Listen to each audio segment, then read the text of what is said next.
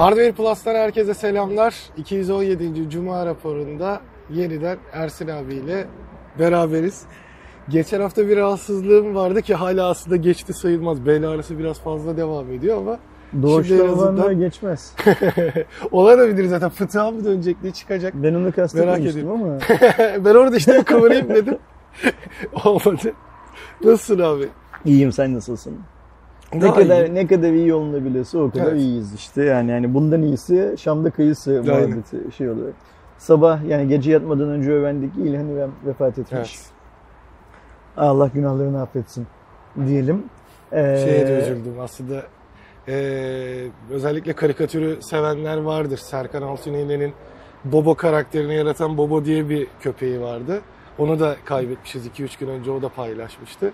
Bir gördüğümde üzüldüm. En sevdiğim çi- çizgi roman ya da işte e, kahramanlardan biriydi. Çizgi roman demek doğru olmaz da. Ben severek takip ederdim.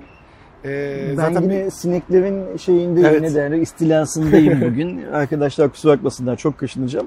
İlhan İrem tabii önemli bir Kesinlikle. şeydi ne derler sanatçıydı. Yani bence bizim takipçilerimizin bir kısmı hiç bilmiyor da olabilirler İlhan hı. Eğer bilmiyor olanlar varsa hatta hani kim olursa olsun e, bence Cuma raporunu haber versinler. Bir YouTube'a İlhan İrem yazsınlar ve karşılarına ilk çıkan şarkıyı anlasana dinlesinler. Evet yani hani hoşlarına gidecek mi gitmeyecek mi? Onu ondan haber versinler bence bize yorumlarda. Cuma raporu izlenir. Evet, sonra da izlersin Cuma raporunu dert değil.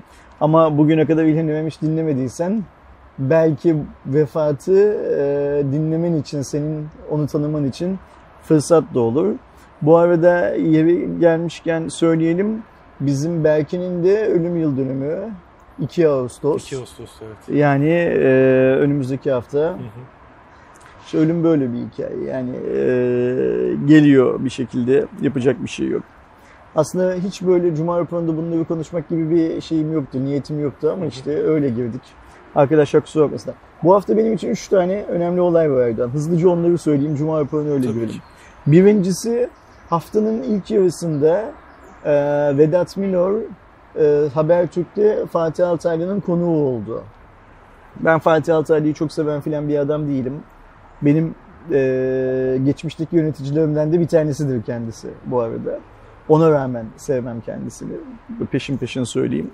E, Vedat Milor'la yaptıkları programı ise yine arkadaşlar izlemeyenler varsa mutlaka izlesinler. Biz Vedat Milor'u ne olarak tanıyoruz? Nasıl? yemek yiyor aynen. diye tanıyoruz değil mi? Aslında Fatih Altaylı ile birlikte yaptıkları programda bununla hiçbir alakası yok. Vedat Milor'un akademik kimliği üzerinden konuşuyorlar ve ödül alan, vakti zamanında ödül alan tezi üstünden yola çıkarak bazı varsayımlarda bulunuyorlar. Ve hmm, Vedat Milor ile Fatih Altaylı'nın yaptığı programı izlediğin zaman şunu görüyorsun. Bu arada ben bir arkadaşımın uyarısı sayesinde izledim. Yani bana televizyonda Vedat Milor var izle diye haber verdi. Açtım izledim. Sonra başından kalan kısmında da daha sonra buldum izledim. İzleye kaçırdığım kısmını da. Akademinin normal yaşama nasıl şey yapıldığını, yansıtıldığını görüyorsun. O e, soğanlı mı soğansız mı tartışmasının ötesinde nasıl bir adamla muhatap olduğunu görüyorsun. Belki insanlar e, hocanın söylediği şeyleri biraz kulak kabartıp hani o Twitter'da adamcağız ne yazsa altında adama işini öğretmeye çalışan denyolar var ya Evet. o denyoluklarını kime karşı yaptıkları konusunda belki şey yaparlar, insafa gelirler biraz. Ee, haftanın bence en önemli olayı buydu. Bizim açımızdan, benim açımdan haftanın ikinci önemli olayı şuydu Aydoğan. Ee, Türk Telekom bir basın toplantısı yaptı biliyorsun Evet. Gülhane'de. Çok süper bir ortamda. Ee, biz de bayramda bir tane video yayın aldık Hardware Plus'ta. Benim çektiğim bir video. Bu Türk Telekom ve e, Turkcell 1000 megabit konusunda bizim aklımızla alay ediyor. Meğer verebiliyordunuz. Niçin vermediniz bugüne kadar diye sistem ettiğimiz bir video çektik. Şimdi ben o toplantıda Ümit Bey'e e, niye veremediniz sorusunu sorma fırsatı buldum. Verdiği cevapları da Twitter'da paylaştım. E, benim anladığım kadarıyla bir şirket için iyi olmayan bir referanstan bahsediyoruz. Ümit Bey'in verdiği cevaptan. Yani Ümit Bey diyor ki BTK'dan onay çıkar çıkmaz verdik diyor. BTK'dan onay ne zaman çıkıyor? 2022 Haziran'da çıkıyor. Rakip e, e, internet servis sağlayıcı bu hizmeti ne zaman veriyor? Bir yıldan daha eski, bir buçuk yıldan daha önce. Demek ki sen BTK'ya geç başvurmuşsun. Buradan o çıkıyor şey ne derler Yeni ortaya. başvurmuş yani. Aynen öyle. Geç başvurmuşsun ve bu Türk Telekom gibi e, bir dev için iyi bir referans değil. E, ben ben bu soruyu sorduğum için o da o cevabı verdiği için mutluyum. Twitter'da arkadaşlar işte şey dediler ya işte hani e, baskın operatör olduğu için bunu veremiyordur bilmem ne filan dediler. Bu işler böyle veremiyordur, yapamıyordurla olmuyor. Bunu yazacağını, bunu söyleyeceğini, bunu dile getireceğini adam ne söylemiş ona bakacaksın. Çünkü böyle bir durum olsa Ümit Bey cevaben şey der mi? Ee, izin ne zaman çıktıysa bize o zaman verdik der mi? Hayır biz baskın operatör olduğumuz ilk veremiyorduk zaten. İlk başkasının vermesini beklemek zorundaydık. Başkası verdi. Peşinden de biz verdik der teorik olarak. Ee, böyle bir şey söylemedi Ümit Bey. Ee, Birçok insan bizim katıl grubundaki arkadaşlar da özelden bana abi sen ikna oldun mu? Yani tatmin oldun mu? Ee, Ümit Bey'in verdiği cevaptan filan dediler. Şimdi ben bunu arkadaşlar şöyle sordu diye anlıyorum Aydoğan. İnandın mı? diye sordun diye anlıyorum. Daha doğrusu onların inandın mı Ümit Bey'e dediklerini zannediyorum da bu da inanılacak, inanmayacak, tatmin olunacak, olunmayacak bir şey yok. Ben şundan tatmin oldum arkadaşlar. Bu adamlar bize 1000 megabit'i daha önce verebilirlermiş. Evet. Vermemişler. Sonuçta hani Yani yani şey geç yok. başvurmuşlar bilmem ne olmuş filan filan vermiş ve bu adamlardan kastım sadece Türk Telekom değil Türksel ve Türk Telekom. Bak Türk Tele- Türksel ölüyü oynuyor. Aynen. Hiç şey yok. Ee, ne derler bilgilendirme yok. Türksel ile ilgili. O yüzden yani demek ki o video bayramın birinci günü yayını aldığımız video çok haklı eleştirileri olan e, kendi içinde ve bir abone olarak sistem etme hakkını bize veren bir video. Ben bu anlamda tabii ki tatmin oldum şeyden. Kesinlikle. Ümit Bey'in söylediklerinden. Çünkü Ümit Bey aslında BTK bize izin verir vermez biz bu 1000 megabit'i verdik derken evet bugüne kadar verebilirdik. Vermediği de, vermediği de demiş oldu. Yani bir buçuk yıl boyunca BTK Aa, bekletmez sonuçta. Aynen öyle yani. yani. O yüzden ben tatmin oldum. Benim için eee, şeyin ne derler işin ikinci o haftanın son önemli olayı da şeydi. TürkNet eee, Cem Bey'in, Cem Çelebiler'in markalı ve sovereign seviyesine katılmasıydı. Şimdi biz Cuma raporunu akşam saat 7 gibi yayınlıyoruz. Bugün sabah saat 10'da da Cem Bey'in röportajını yani röportaj demiş o markalı ve sovereign seviyesine katılımını yayınladık Yayınladık. zaten. Muhtemelen arkadaşlarımız izlemişlerdir. Ee, açıkça söylemek gerekirse ben Cem Bey'i davet ettiğimiz için ve Cem Bey katıldığı için çok mutlu oldum. Ee, Bence çok açık yüreklilikle, çok dürüst, çok şeffaf bir şekilde durumun ne olduğunu anlattı.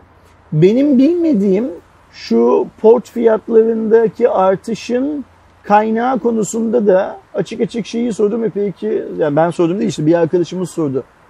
Bu port zammı mı 30 lira diye sordu. Çünkü Twitter'da öyle şeyler dolanıyor ki aynen öyle yani aslında bu zammın çok daha az oldu ama sizin hani bunun üstüne eklediğinizi sordu. Cem Bey de dedi ki mesela ben bilmiyordum bu hikayeyi. Ee, biz de hızlı internet verme vaadinde olduğumuz için hızlı port almak zorundayız. Hızlı portlarda daha pahalı portlar.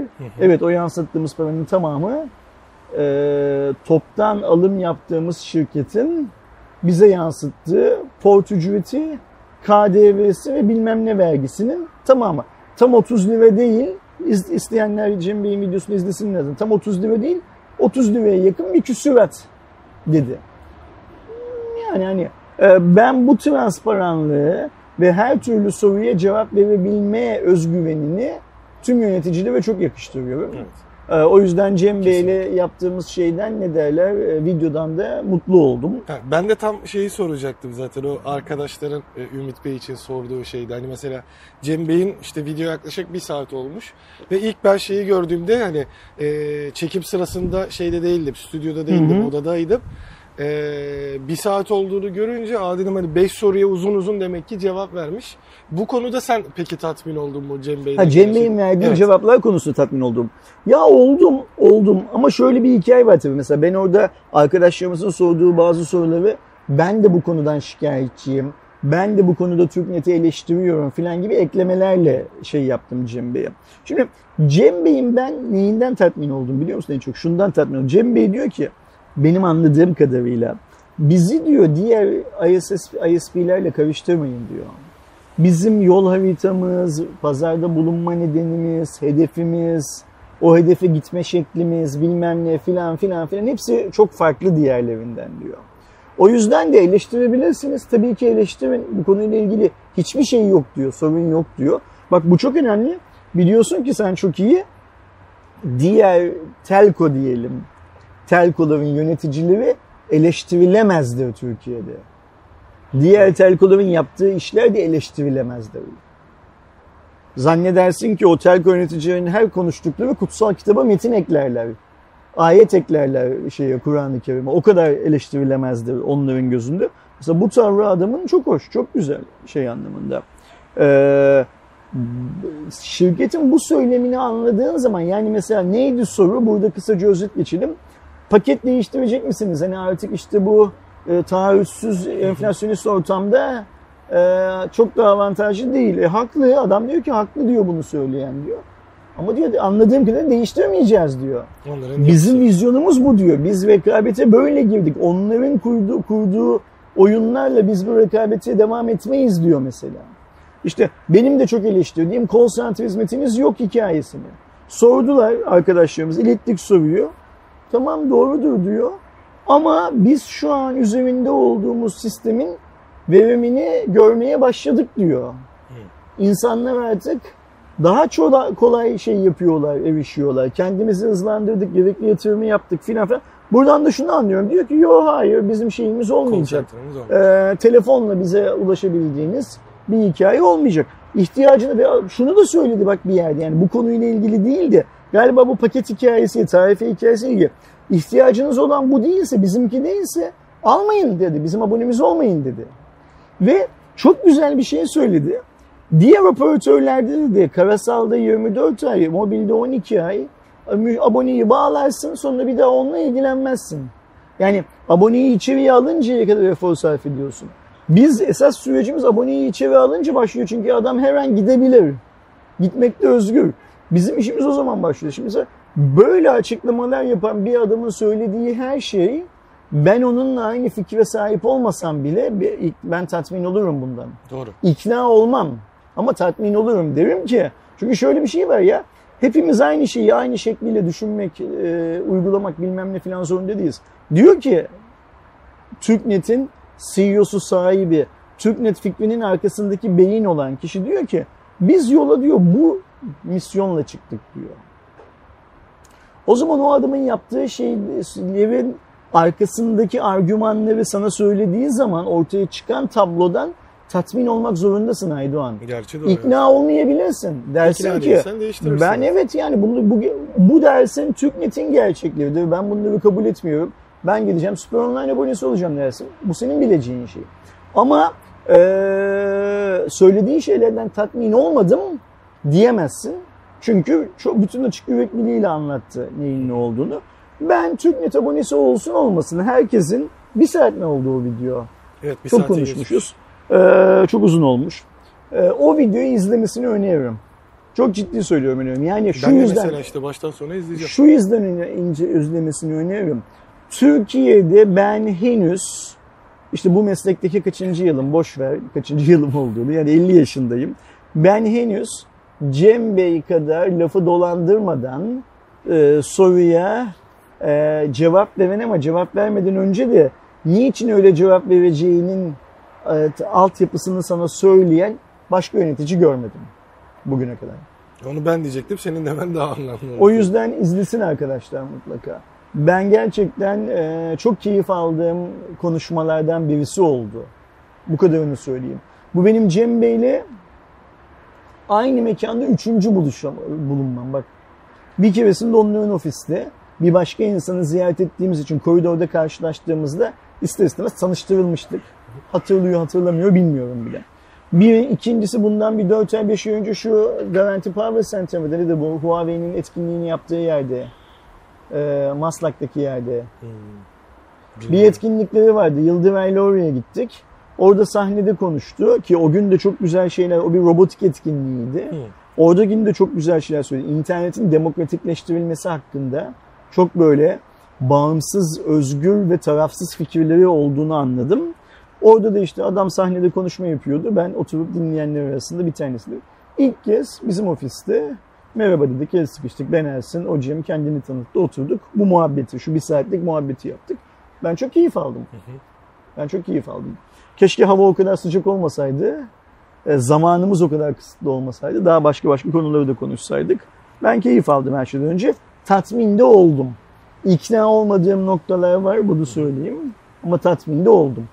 Önemli. Ve bundan sonra e, TürkNet'i tabii ki eleştirmeye devam edeceğim. Birçok noktada. E, ama eleştirirken bu Cem Bey'in söylediği hikayeleri de aklına tutacağım. Bu arada şunu da söyleyeyim insanlar duymak istiyor. Bu zamlarla ilgili falan ne düşünüyorsun? Çok yüksek. Yani bunun alçak olduğunu söylemek mümkün. Zaten Cem Bey de söylemiyor alçak olduğunu. E, ancak şöyle de bir hikaye var Aydoğan. E, eğer TürkNet'in kendi altyapısındaysan ve bin hız alıyorsan o zaman verdiğin bu para para değil yani. Bu bin hızı bu parayı başka yerde alamıyorsun bu Ki şartlar zaten altında. şu an galiba bini aldığında da şey Fiyat ödüyorsun. düşürüyorsun yani. Eski hani fiyatla ödüyorsun. 169'dan 139'a düşüyor fiyatı. Bir de öyle bir hikaye var. Yani TürkNet'in kendi altyapısında, kendi omurgasında adı ne olursa olsun yapa mapa yapıyı bırakmıştır işte anladığımız kadarıyla. Ne olursa olsun abone olan hiç kimse şikayet etmez. Ama geçen gün hafta sayarken Cuma raporunda da konuştuk. İzledin mi bilmiyorum. Eren gibi o parayı verip 30 hız alan adam ister istemez şikayet edecek. Yapacak başka bir şey yok. Ve Yani en e, az 100 almak lazım. ve Cem Bey o pozisyondaki insanlara da diyor ki bizim bu vizyonumuz için vizyonumuzun içinde olmak sizin için zorsa başka bir şirketin abonesi olmak sizin için daha iyi olacaksa taahhüt falan yok. Lütfen bu cayma hakkınızı kullanıp daha mutlu olun diyor benim anladığım kadarıyla. Zaten. Hadi gel yine çok uzattık. Kaç dakika olduk Doğuş? 17 dakika olmuşuz. 17 dakikalık e, Girişten sonra. girişten sonra senin seçtiğin haberlerle Cuma raporuna başlayalım Aydoğan. Başlayalım. İlk haberimiz Huawei kanadından. Normalde bir önceki sürümünü her yerde duyuran Huawei bu sefer birazcık daha ona nazaran sessiz sedasız denebilecek şekilde HarmonyOS'in 3.0 versiyonunu çıkardı. Tabii ki Çin'e özel. Hani Burada daha- lafını keseceğim. Harmony OS'in 3.0'ın tanıtıldığını duyunca en ufak bir heyecan hissettin mi? yok. Değil mi? Hani hatta Ben şöyle bir şey oldu. Ben Cuma raporunda- bakarken altın atılmış. Cuma raporunda görünce ben şey diye düşündüm. Yani şimdi işte ne, ne gerek var, niye konuşuyoruz bunu diye düşündüm. Ama konuşalım hadi. Ee, 3.0 güncellemesiyle beraber aslında bazı yeni özellikler ve e, ekosistemini genişletmiş oluyor. E, buradaki en büyük gelişmenin terminallerin e, kullanımı, sistem ekolojisi, evrensel kart yani aslında cihazların birbiri arasındaki haberleşmesini çok daha basit ve çok daha hızlı olduğunu e, söyleyebiliriz. Bir diğer yandan gizlilik ve güvenlik noktasında da e, geliştirmeler olduğu e, vurgulanıyor. Ee, otomobil vesaire de zaten dahil oldu biliyorsunuz. Haykar vardı o da HarmonyOS ekosistemine dahil oldu. Ee, şu anda HarmonyOS 3.0 12 farklı akıllı cihaz tarafından destekleniyor ve Windows 11'deki bilgisayarlardaki e, hibrit terminal merkezi haline aslında Windows uyumu biraz daha e, iyi hale getirdiğini söylenebilir HarmonyOS 3.0 için. Şu anda e, ilk cihaz olarak galiba bir HarmonyOS 3.0 destekleyen Watch 3'ün new versiyonu, yeni versiyonu Buzdolabı falan diyeceksin ee, diye çıktı. Bir de korktum. yok yazıcı var zaten. Buzdolabından ziyade 3.0 destekleyen e, yazıcı var.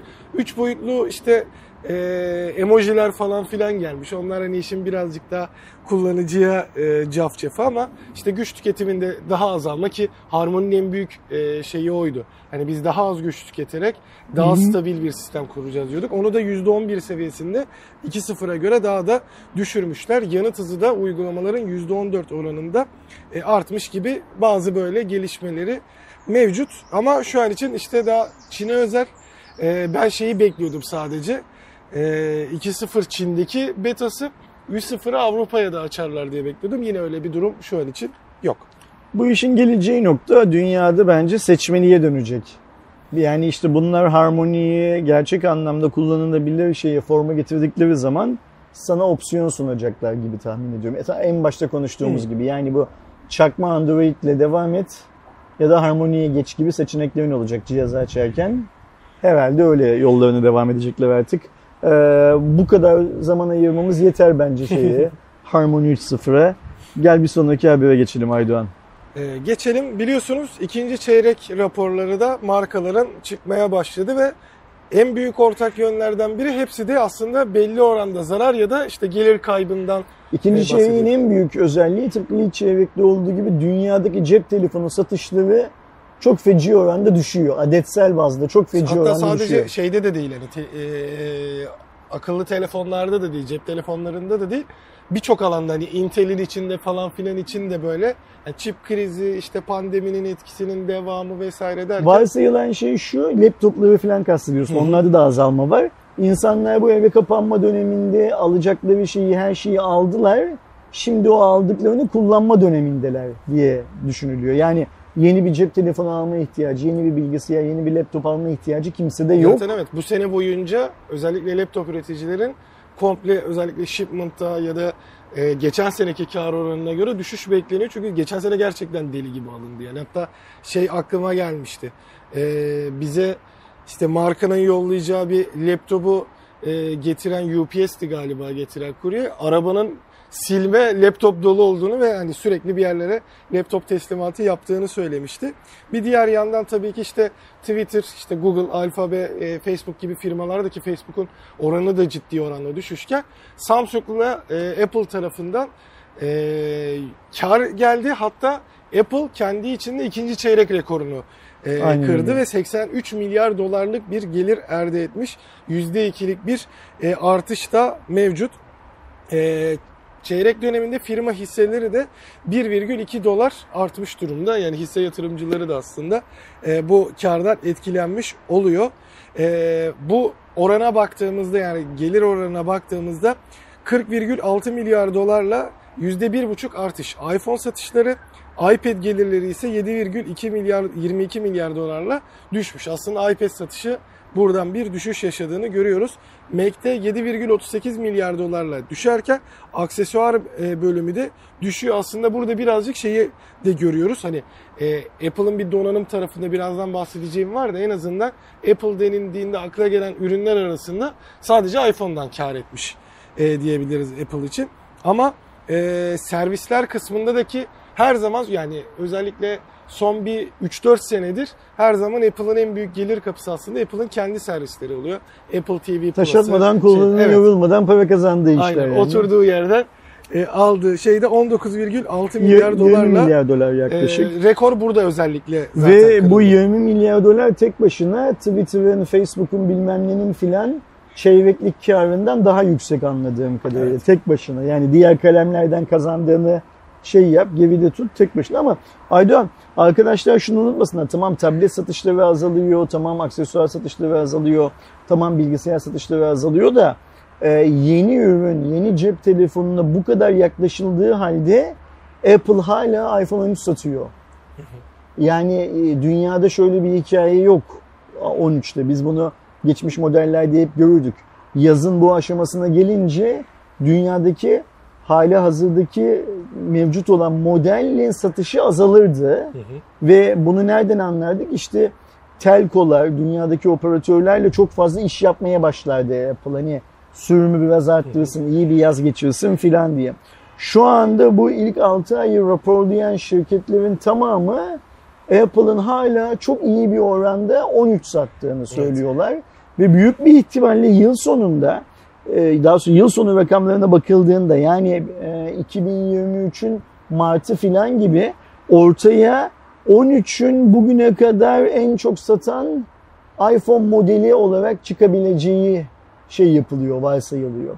Yani haklısın tabletten zarar zarar geçen yıla göre, bir önceki çeyreğe, geçen yıl aynı çeyreğe göre daha az, e, aksesuar daha az, e, hizmet, servisler süper ama telefon da para kazanıyor, çok Evet. iyi para kazanıyor. Ya ki zaten hani mesela işte tablet azalmış olsa da e, laptop tarafı vesaire azalmış olsa da hani kar oranı olarak e, laptop kullananlar yani şu an anladığımız kadarıyla örneğin M1'li laptop alan M2'ye şu an geçmeye gerek duymuyor. Yeni aldı zaten. Ama bunların hepsi servis kullanmaya devam ediyor. Bu arada söyle, şimdi aklıma geldi. Ee, çeyrek sonuçları açıklandıktan sonra galiba CEO değil ama bu laptop bölümünden sorumlu olan zatı muhterem Amerika'daki e, şeyleri ekonomi yayınlarına e, çip krizi yüzünden üretimi istediğimiz seviyeye çekemediğimiz için laptopta beklenen rakamlara ulaşamadık gibisinden bir şey söylüyor. Ki bunun yani etkisini büyük ihtimalle iPhone 14'te de göreceğiz. yani diyor ki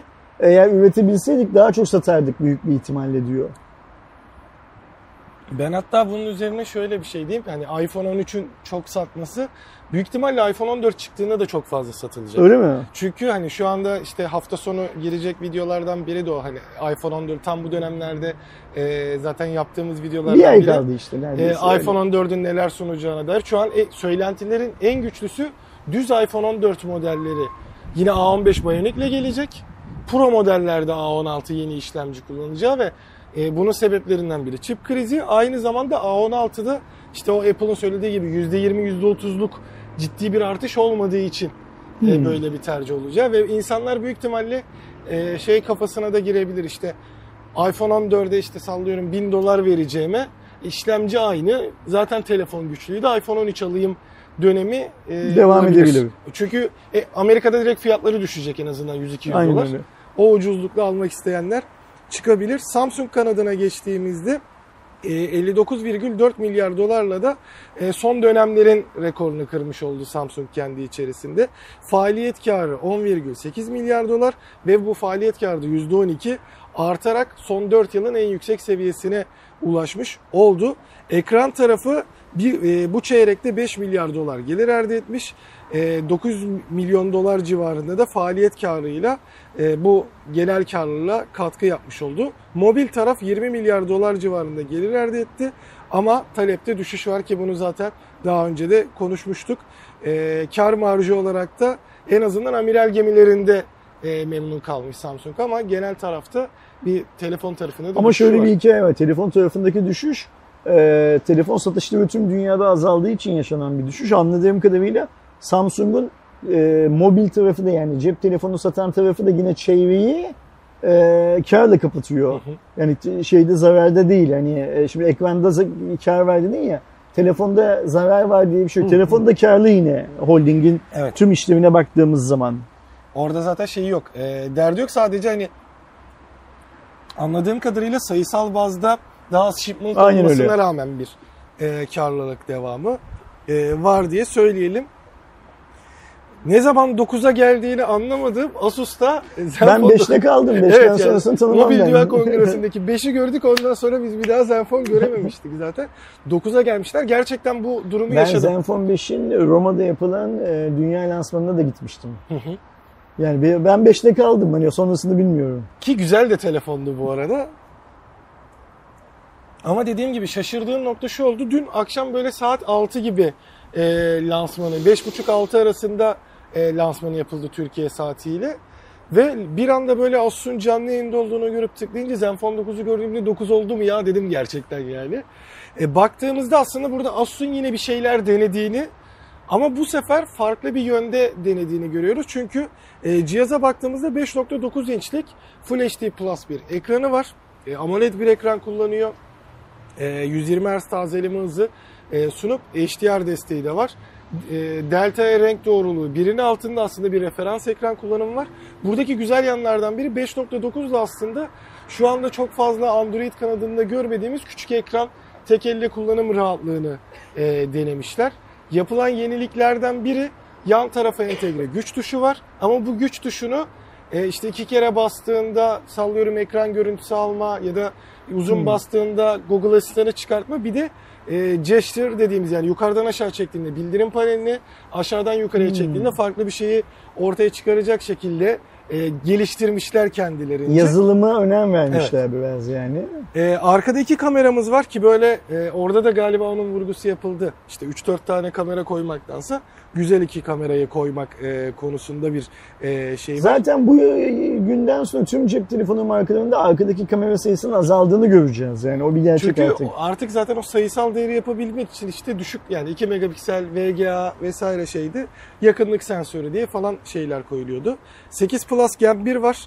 Ee, 8K çekim yapabiliyor tabii ki 8K e, 8 Plus Gen 1'in gücüyle. IP68 sertifikasına sahip ve arka tarafta da böyle karbon fibere yakın ama çok güzel bir hissiyatın olduğu görünen bir e, yapıda var.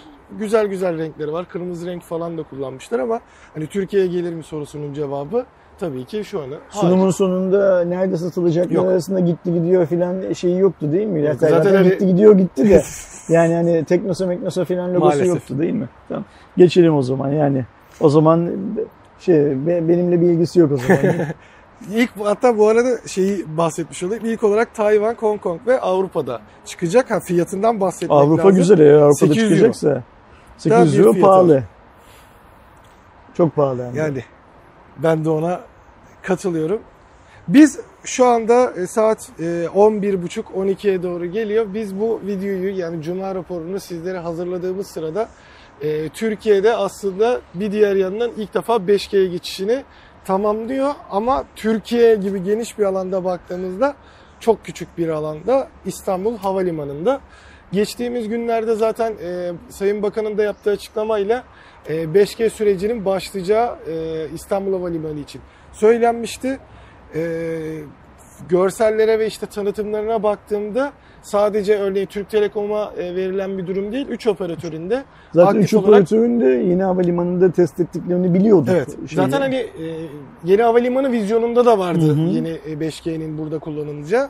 Bugün itibariyle tahminimce bu saatlerde de artık 3 GSM operatöründe e, 5G hizmetleri İstanbul Havalimanı bünyesinde kullanılmaya başlanıyor. Şimdi biz geçen hafta bunu çok uzun uzadıya konuştuk. Bir daha konuşmayalım. Benim çok ilgilendiğim bir konu değil öyle söyleyeyim. Ee, arkadaşlar dediğim gibi bu videoyu akşam izliyor. Demek ki çoktan YouTube, Instagram, şurası burası hey 5G'ye bağlandım Şu bilmem ne filan videolarıyla dolmuştu. Shortslarıyla, şunlarıyla, bunlarıyla. Sayın Bakanım çok yaşa işte şöyle oldu böyle oldu hikayeleriyle filan do- dolmuştu. Ve bu konuda söyleyecek tek şey vatana millete hayırlı olsun demek. Yani. Ee, eğer birisi de kalkar 5G havalimanında ne işimize yarayacak konusuyla ilgili derli toplu doğru düzgün bir e, açıklama yaparsa, bilgilendirme yaparsa onun üstünden Evet, konuşuruz Ya, ya da mesela e, bu artık başlangıç deyip ihale tarihi falan verme durumu var mı acaba Sayın Adil Kara Şimdi e, başladıklarına göre ihalesi var artık. Bundan sonra ihale mi yapılır? Ya gerçi evet o da doğru yani. Şu an üçü de orada kullanabilecekse. Aynen öyle yani. Ben şöyle anlıyorum. Hükümetin e, duyduğumuz şey geçmişti. Hükümetin 5G için ihale yapmak istediğiydi. Operatörlerin de biz zaten daha önce 2G'de, 3G'de, 4.5G'de yapılan ihalelerde çok büyük paralar verdik. Artık 5G'de bir ihale yapılmasın. 4.5G'deki ihalemizin üzerine devam edelim gibi bir talepleri olduğu söyleniyordu. Ve e, operatörler hükümete diyorlardı ki biz ihaleyle girer eğer para verirsek kazanamıyoruz. Bu işi yapmamızın bir mantığı kalmıyor filandı. Şimdi bunlar konuşulduktan sonra eğer havalimanında 5G kullanılmaya başlanıyorsa o zaman ben bu işten şey anlıyorum. İhale mihale yok anlıyorum. Doğru aslında evet. Ee, ha bu saatten sonra ihale yapılırsa da o zaman burada sistem- sistematik başka bir sorun var derim. Önce ver diyor yap diyorsun sonra yaptığı için para ver diyorsun filan gibi. Bilmiyorum Doğru. ne olacağını. Yani belki de işte ben ama şey bekliyorum yani. Türkiye'de ilk defa 5G kullanımına artık halka da açılacağı bir yerde e, belli başlı tarihlerin verilmesi. Yani en azından Türkiye genelinde e, buradan itibaren operatörler 5G hizmetlerini açmakta serbesttir desin mesela. Ya da bu saatten sonra dediğim gibi e, top operatörlerde olabilir ya da işte Türkiye olarak 2023 yani 1 Ocak 2023'te e, bütün operatörler 5G hizmetlerini aynı anda hani E, 4.5G'ye teorik olarak işte 2022'de geçtik Aydoğan Ya o 5G'ye zaten o geçti. söylemlerde Ya, kullanılacak. Yani Ama biz hani mesela Türkiye'nin Bence- herhangi bir yerinde ya da bence pilot bölge yapılması gereken şey şu. Birisinin çıkıp vatandaşa 5G neyin merhemi bunu anlatması lazım. Hayır. Bu kadar basit. Yani hani 5G neyin merhemi bunu anlat. Ha bunu anlatabilecek adam var mı Türkiye'de? Yok. O ayrı Evet, mevzu. o da ayrı bir konu. Ee, o yüzden geçelim 5G'yi bence. Hayırlı olsun diyelim vatana. E tabii hayırlı olsun. En azından e, 5G Geç kullanı- oldu güç olmasın diyelim bundan Evet. sonrası. Niye geç oldu? Biz 2019 yılının son çeyreğinde Sayın Cumhurbaşkanı o, o zamanlar e, başbakandı diye hatırlıyorum. Recep Tayyip Erdoğan'ın ağzından Türkiye bu yıl dünyada 5G'ye geçen ilk ülke olacak benzeri bir açıklama duymuştuk değil mi? 2019, 2020, 2021, 2022 biraz geç oldu. Güç olmasın bundan sonrası. Ne olacaksa hızlıca olsun. Yani 2017'den beri de mesela işte aslında yerli otomobil falan da geliyordu. En azından şu son iki seneye e, daha önceki tabii ki işte hani e, Cumhurbaşkanı'nın da ya da işte e, hükümetin de e, hedefi işte 2023 olarak açıklanmıştı e, yeni seçim 2023 döneminde. geliyor işte şundan İşte bir o 4, son tane döneme şey kaldı yani. Hepsi de böyle yapılmış olma durumu da olabilir. Ee, tabii ki bir 5G hizmeti verebilmek için altyapı da önemli ve bunun fiber altyapı olması gerekiyor. E, aslında yayının başında da e, Ersin abinin bahsettiği e, o yemekte e, Sayın Ümit Önal'ın yaptığı yani Türk Telekom CEO'sunun e, yaptığı açıklamayla Türkiye'deki fiber altyapının Türkiye genelinde %92'ye e, çıktığı bilgisi verildi. 372 yani bin bu kilometre. basın toplantısının anladığımız kadarıyla ya da en azından benim kıt aklımla anladığım kadarıyla konusu e, eski İstanbul dediğimiz su içi bölgesinin tamamen fiber altyapıya dönüştürüldüğünün, Türk Telekom tarafından dönüştürüldüğünün duyurulmasıydı. E, o yüzden de işte Topkapı Sarayı'nın içinde yani hani eski İstanbul'un bir nevi merkezinde muazzam bir yerde bir yemek yedik Ümit Bey'le birlikte. Ben çok keyif aldım. Yani yediklerimizin güzelliğinden öte o ağaçların altında o serinlikte bilmem ne falan çok keyif aldım sağ olsunlar. O toplantıda bunlar konuşuldu. %92'sine Türkiye'nin fiber ulaştığı dendi. İşte o sırada bizim Cem abiye masada oturduğu yerde ben yine %8'de kaldım. Şişli'de oturuyorum dedi ki e, tamam Cem abiye gördüğüm kadarıyla şimdi bağlıyorlar fiberi de %92 sanki o kadar gerçek bir rakammış gibi gelmiyor. Evet işte yani neye şey ee, ben bana en azından bizim takipçilerimizden al duyduklarıma göre bizi izleyen, beni sosyal medyada takip eden Hardware Plus'la bir içerik üreticisi, içerik tüketicisi ilişkisi kuran her 100 kişiden 92'sinin fiberi yok gibi geliyor bana. bizim mesela işte e, ofiste Eren'in e, evinde e, fiberi yok. Yani fiber altyapı yok. E, benim çevremde de hani o orantıyı karşılayacak şekilde ha belki şeydir bizim evde zaten fiber altyapı yok denilmesi daha dikkat çekici Şimdi burada kaç eviz? Doğuşu sayma. 1, 2, Yıldıray 3, Fatih 4, e, Can 5, e, şey 6, e, Eren 6, Gülcan Hanım 7. Bir de Ye- ofisi say 8 öyleydi. Kimi? Ofisin kendisi. Ofisin kendisi 8. 8'de bir fibersiziz biz burada. Hı hı. Bu bile %92 rakamına ulaşmamızı sağlamıyor. Evet. Bu kadar basit. Matematik böyle bir şey. Yani çok kolay bulabiliyorsun. O yüzden ben bu %92'nin falan nasıl çıkartıldığını bilmiyorum. Ben bu toplantıda da bol bol 5G konuşuldu mesela. Niçin bol bol 5G konuşuldu? Ondan da çok şey değilim. Yani 5G lafını duyar duymaz benim şeyler e, kapanıyor biraz. Yani algım kapanıyor.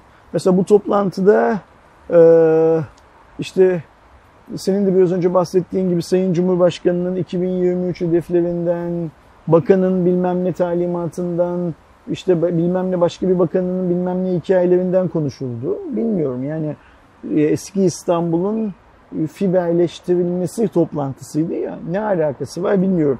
Keza mesela Ümit Bey e, veri, sorulan bir soruya soru şeydi anladığım kadarıyla e, elektrikli otomobiller şarj istasyonu hikayesine girecek misiniz filan gibi bir soruydu. Evet önceliklerimizden birisi dedi. Bilmiyorum yani mesela Türk Telekom'un niye böyle bir önceliği olsun? Yani şarj istasyonu üretmek Türk Telekom'un mu işi Türkiye'de? Ya da TOG'un bu işi tek başına başaramayacağı, altından kalkamayacağı anlaşıldı da TOG'a yancı mı aranıyor bir şekilde? Bilmiyorum neyin ne olduğunu. Ama işte her şey konuşuluyor, her şey dönüyor dolaşıyor. Hep şeye bağlanıyor. Bir umutlu yaşatan insanaya bağlı, bir umutlu yaşatan insanı hikayesine bağlanıyor. Necdet abinin o Evet. şarkı sözüne bağlanıyor. Yani hani e, ne yaptık? %92 yaptık. İnan. Ne yapacağız? Şarj ünitesi bile yapacağız. Filan. İnan ama bunların hepsine. İnanmazsan olmaz Aydoğan zaten. Yani fi- fiber altyapıyla şey vermek güzel olabilir tabii. Farklı olabilir. Şarj hizmeti e, vermek. Bu arada sayısal olarak da 30,6 milyon hanede e, fiber altyapı varmış. Bunun 9 milyonu da eve kadar fiber. E, FTTH dediğimiz e, şekilde olduğu da bilgisi veriliyor. 30 milyon hane Benim bu toplantıda itiraz edebileceğim, yüksek sesle itiraz edebileceğim tek nokta şudur. Ümit Bey dedi ki Türkiye'de internet bağlantısı ucuz dedi. Dolar bazında Ha, yine ya- söyleniyorsa yabancı ülkelerle kıyaslayarak ucuz olduğunu tamam benzin de söylendi. ucuz. E yani her şey ucuz ona öyle bakacak olursan Türkiye'de. İşte bu ucuz pahalı kavramlarını söylerken hangi bazda söylediğimizi beyan etmemiz lazım bence. Eğer mesela şöyle söylersem Türkiye'de dolar bazında baktığımız zaman internet bağlantısı ucuzdur dersem bu doğru bir yere gider. Tutarlıdır, tutarsızdır ayrı mevzu gider. Ama Türkiye'de internet bağlantısı ucuz dersek e, bu çok şey olmaz ne derler e, doğru bir sav olmaz. Benim buradaki bakış açım çok net. Ben biliyorsun birim cinsinden fiyatlamaya da karşıyım. Yani Hardware Plus'ın bunun 10 yıl önceki videolarını izlesin arkadaşlar. Orada işte senin gibi video çektiğimiz iş arkadaşım orada iPhone 600 birim bin, bizde 3000 lira dediği zaman da yok birim doğru hesap değildir diyen bir adamım ben. Benim için çok daha böyle hmm, kesin normlar var. Yani mesela kesin norm dediğimde işte asgari ücret dünyanın her yerinde önemli bir belirteçtir. İşte milli gelir dünyanın her yerinde önemli bir belirteçtir. O ülkedeki bazı hizmetlerin, başka hizmetlerin fiyatları, o ülkedeki bazı iş kollarında çalışan insanların gelirleri. Atıyorum McDonald's'ta kasada duran kasiyer çocuk ne para alıyor? O bir maaşıyla iPhone alabiliyor mu? Bizim Türkiye'deki McDonald's'ta işte Burger King'de bilmem nerede kasada duran çocuk bir maaşıyla iPhone alabiliyor mu? Filan gibi kıstaslardan yola çıkmamız lazım. Şey olarak. Şuna bakmamız lazım mesela. Hmm, Almanya'da internet Türkiye'dekinden daha pahalı diyebilmemiz için hmm, Almanya'daki adamın o internet faturasını öderken zorlanıp zorlanmadığını anlamak lazım. Almanya'daki adamın daha ucuz bir çözüm peşinde koşup koşmadığını düşünmek lazım. Yoksa o pahalı bu ucuz bilmem neler falan bunlar hani e, mantık çerçevesinde mantıksız olmayan ama ayakları yere basma konusunda bence bütün ayakları yere basan söylemler değil. Kesinlikle. İş dünyası Aydoğan tamamen çok basit bir şekilde dört işlem üstüne kurulu olmak zorunda. İnsanların birbirlerine söyledikleri şeyler, vaat ettikleri şeyler de bu dört işlemin aksi olmamalı. Çünkü biz dört işlemi mutlak gerçek olarak kabul ediyoruz hayatımızda. Her konuda Evet. bu dört işlemi mutlak gerçek olarak kaydediyoruz. Hatta eğer dört işlem canımızı sıkıyorsa işlem sayısını azaltabiliriz. Yani mesela çarpmayla bölmeyi, pardon çarpmayı çıkartabiliriz mesela hayatımızdan. Üç işlemle yolumuza devam edebiliriz. Biraz zorlarsak bölmeyi yok çıkartamayız ama hadi çıkartılmıyor ama yani dört işlem bir norm. Bu normda ma- ka- karşı durmamak lazım. Bu normu eğip bükmemek lazım. Çünkü bu normu eğip bükmeye Aydoğan'ın Ersin'in bireysel olarak gücü yetmez zaten. Sen eğdiğini büktüğünü zannedersin ama söylediğin her şey dünya tarihinin o kocaman fasiküller boyunca olan ansiklopedilerin içinde bir satır olarak yer alacak. Bunu unutmaman lazım konuşurken. Kesinlikle. Ya zaten hani e, biraz önceki o dediği gibi işte çarpmaya çıkaralım, bölmeye çıkaralım dediğinde sadece uzun yoldan toplama ve çıkarma Aynen öyle. işlemini yapıyor olursun. yani. Aynen öyle. Çünkü hiçbir zaman çıkaramayacağın o dediğin gibi Yani işin daha ba- basitleşin. İki kere ikinin dört ettiği bir ortamda sen işte Avrupa'da e, benzin daha pahalı dersen bu yalan olmaz.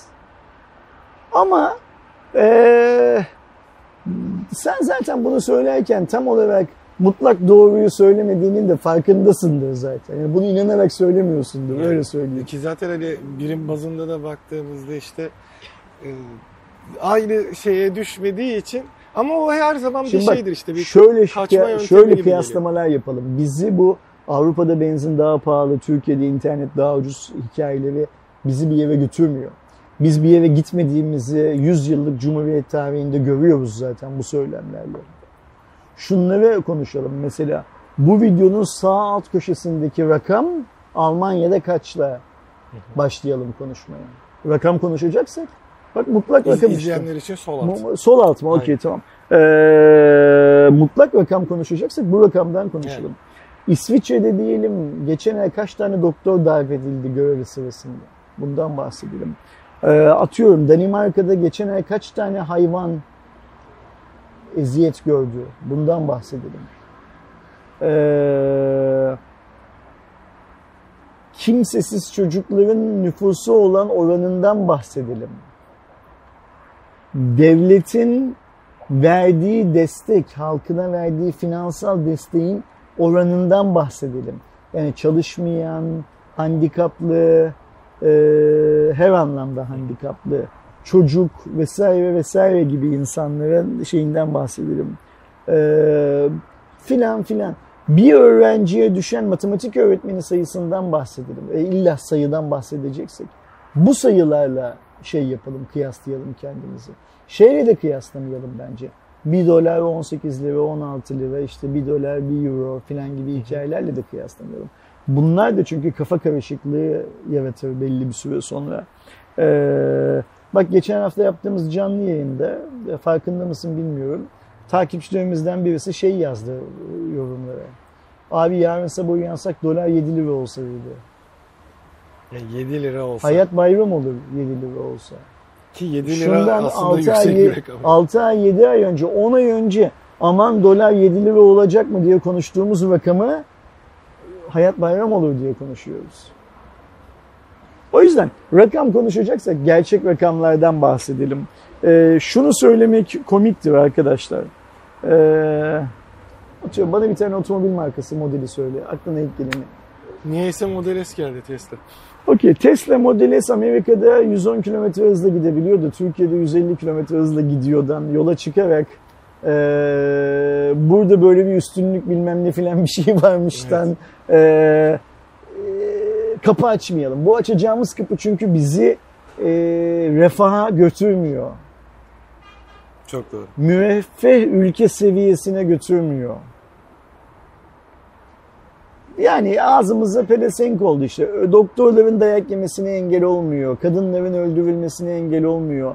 Hukuk sistemindeki her şeyin doğru düzgün gitmesine engel olmuyor. Sağlamıyor bu işlerin yapılması. O yüzden bugüne kadar konuştuğumuz rakamlar yerine yeni metriklerden, yeni rakamlardan konuşalım Allah aşkına. Neyse hadi geçelim şey. Bazı ithal elektrikli otomobillere ilave gümrük vergisi haberine geçelim de. Abi biz daha geçen hafta bunun hemen stopajını indirmedik. İşte biz indirdik gümrükte aldık. Ay Allah'ım ya. Devam et Aydoğan, devam et. Şimdi olayda aslında dediğimiz gibi e, bir e, indirim vesaire falan filan konuşulurken ki e, aslında bir bu hafta içerisinde de Cumhurbaşkanı'na ÖTV konusunda 3, 3 kata kadar çıkarma ya da sıfıra indirme yetkisi de verilmişken gümrük vergisinde bir düzenleme oldu. Burada Amerika, Kanada ve Çin'de zaten %10 bulunurken bunun dışında hemen ülkeleri sayayım. E, Arnavutluk, Büyük Britanya, Kuzey İrlanda, Birleşik Krallık, Bosna Hersek, Fas, Faroe Adaları, Filistin, Gürcistan, Güney Kore, İsrail, Kanada, Kosova, Kuzey Makedonya Cumhuriyeti, Mısır, e, Mauritius, Moldova, Sırbistan, Şili ve e, Tunus dahil olmak üzere Amerika ülkelerinde e, AB ülkeleri ve EFTA bölgeleri ülkelerinde vergi alınmıyorken geri kalanlarında %10'luk bir ilave vergi Şimdi bu saydığın ülkelerden eğer elektrikli otomobil ithal edilirse vergi alınmayacak mı? ilave vergi yok. Ha, ilave vergi yok. Evet. Ha, okey. Ee, ama e, tam şeyini okuyayım. Sadece elektrik motorinden tahrik olanlar başlığıyla e, %10 oranında ithal ürünlerde vergi alınacak. Amerika Avrupa Birliği'nden gelenler de ilave vergi yok. Böyle demek daha doğru. Ha, ne yaptıklarını anlamıyorum ben. Ee, Ya öyle bir garip yazıyorlar ki zaten. Hani e, işte şu şu ülkelerden gelenlerde %10 vergi olduğunu söylesinler. Daha şey olur ama açıklama tam olarak bu şekilde aslında. Hayırlı olsun. Bu da vatana millete hayırlı olsun. Anlamadığım, anlamadığım bir iş yani hani ee, geçen hafta başka düzenleme yapıyorsun, bu hafta başka düzenleme yapıyorsun. Yani Demek zaten ki mesela Amerika'dan kervan- gelenler de vardı. Kervan yolda düzülür hikayesi gerçek yani. Bunu unutmamak lazım. Ki bir de şimdi anlamadığım e, bunların dışında kalan e, ülkelerde alınacak anlamına geliyor. E, Amerika, Kanada ve Çin'de zaten var. Ve Avrupa Birliği ülkeleri, Britanya falan filan olunca neresi kalıyor ki hani elektrikli araç alacağımız? Hiç bilmiyorum. Yani elektrikli asıl üretim Çin'de. Ben, bence elektrikli araç kimse almasın diye yapılıyor bunda ya. Hani Ya 10-15 da gün içerisinde fiyatlardan fiyatı anlayacağız da. hesaplanamasın diye. Ne? 10-15 gün için ne olacak? Ya 10-15 gün içerisinde bu hani vergilendirmenin şeyi. Hı, e, nasıl yansıyacağını Evet piyasaya. ama şimdi Avrupa yok. Amerika Çin'den zaten alıyorsun. Hani nereden gelecek zaten araç? Uzaydan gelenlere gümrük vergisi mi olacak? Bilemiyorum. Devam edelim. Boş ver. Anlamadım ben bu işten bir şey. Ee, telefon kanadına geri döndüğümüzde ise işin e, garip bir tarafı var. Söylenti bazında zaten önümüzdeki sene e, Samsung'un Snapdragon'u daha fazla kullanacağı konuşuluyordu ki S22'de bunu gördük. E, Qualcomm kanadından da yapılan e, açıklama ile beraber net bir şekilde S23 ailesinde Exynos modelinin olmayacağı ortaya çıktı. Kesin bilgi mi? Evet. Allah Allah. E, Çok. Qualcomm'da zaten hani işte S23 ailesinde e, yeni nesil Snapdragon'ları kullanacağına dair bir açıklama yapmış oldu ve burada aslında kesinleşti. E, biz Exynos'un neler yapabileceğini, AMD ile beraber neler yapabileceğini görürken üst seviyede artık 8 Gen 2 isminin e, bekliyoruz. 8 Gen 2 kullanılacağı kesinleşmiş oldu.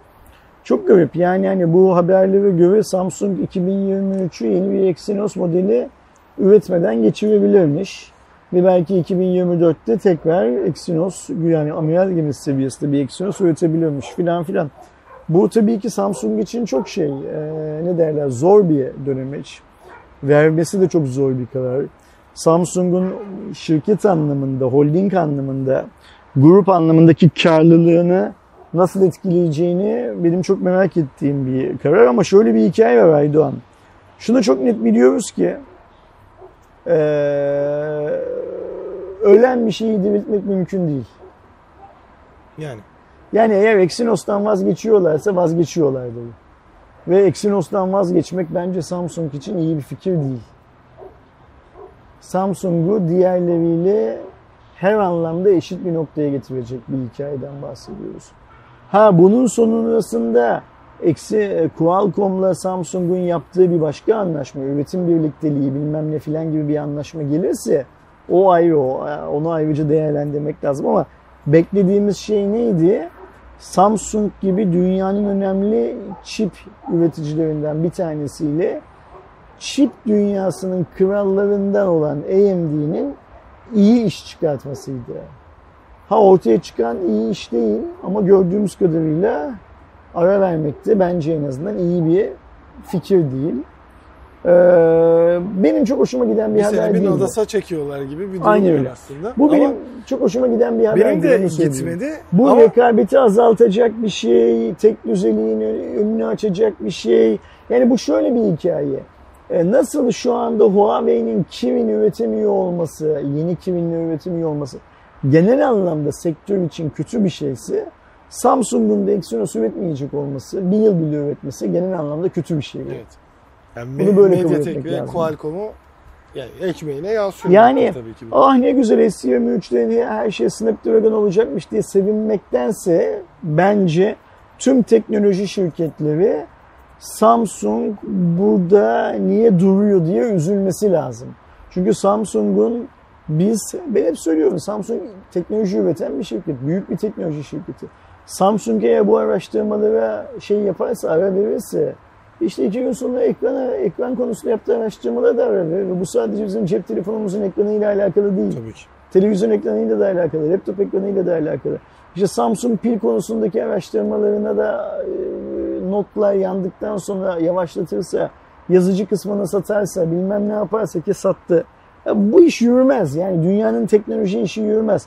Samsung e, Kore hükümetinin de desteğiyle dünyanın geride bıraktığımız 10 kaba taslak 15 yıllık falan teknoloji tarihini çok önemli ayak izleri bırakmış bir şirket. Kesinlikle. Beğenelim ya da beğenmeyelim Exynos da o ayak izlerinin önemli bir parçası. Bunun ilerlemesi lazım, bunun güzelleşmesi lazım, bunun insanlık için daha çok kullanılır bir form kazanması gerekiyor. Yoksa işte biz her şeyi şimdi Qualcomm'a bırakalım, 20 yıl sonra da Apple'a bırakırız. E olur biter zaten her şey. Zaten bak şimdi işletim sistemi falan konusunda bu durumdayız zaten. Yani neydi işte Samsung kendi işletim sistemini geliştirecekti olmadı değil mi? Huawei geliştiremiyor gördüğümüz gibi. Zaten mecburuz e, Alphabet denilen şirkete ya da Apple'a. İşte işlemcide de mecbur hale geliyoruz demek ki yavaş yavaş filan. Bence bunlar iyi fikirler değiller. Hmm, bir teknoloji meraklısı olarak benim de çok hoşuma giden bir fikir değil. O zaman AMD de hiç mücadele etmeseydi Intel Aydoğan. Yani. Şimdi mesela AMD ortaklığı de, ne oldu? Mediatek de Snapdragon'la hiç mücadele etmeseydi. Nvidia kendini yırtmasaydı yıllar boyunca. Intel zaten yapıyordu bu işi öyle değil mi? Intel mobil de denedi. Ha işte zaten yapıyordu bu işi zaten. Yani her işi yapıyordu Intel falan. Bu işler böyle olmuyor. Denin, denenmesi gerekiyor ve e, Kore mühendislik anlamında gerçekten uzak doğuda eski Japonya'nın yerini alan bir ülke. Kore'de bu işin durması hiçbirimiz için şey değil. Kesinlikle. Hayırlı bir eylem değil. Allah tez zamanda daha iyi Exynos'larla Samsung'u karşımıza çıkarsın. Aslında burada tam şeyi de eklemek lazım. Senin daha önce de söylediğin ki bu AMD ortaklığında beklediğin şeydi. Ee, 2024'te tekrar işte o hatalarını, eksiklerini falan filan toparlayıp döndüklerinde artık Exynos demesinler.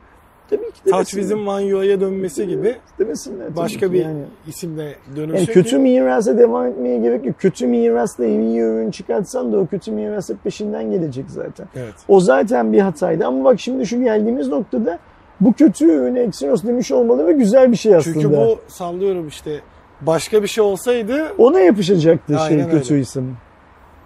Şimdiden S23 ile ilgili bir şeyler konuşmaya da gerek yok bence. Tabii. Daha çok erken. İlk önce şu e, yaz sonunda Samsung ne çıkartacak bir ona bakmak lazım. Yani bu yılın ürünü olarak öyle ya şimdi Note yok. Hani biz Note'un lansman dönemine geliyoruz ya. Note yok. Ama Samsung boş durmaz bir şey çıkartır mutlaka. İlk önce bir onları görelim. S23'ü daha sonra konuşuruz. Gelelim e, gerçekten sebebini tam anlayamadığım bir e, konuya. Zaten bu hafta da hani e, sosyal medyada çok paylaşıldı, konuşuldu. E, son bir kaç haftadır işte bu ÖTV'nin Cumhurbaşkanı'na verilmesi vesaireyle özellikle otomobil ve ev konusundaki e, fiyat tarafında hükümet tarafından böyle bir iki dokunuş yapılmaya çalışılıyor. Ama bir diğer yandan tabii şey de var onu da söylemek lazım.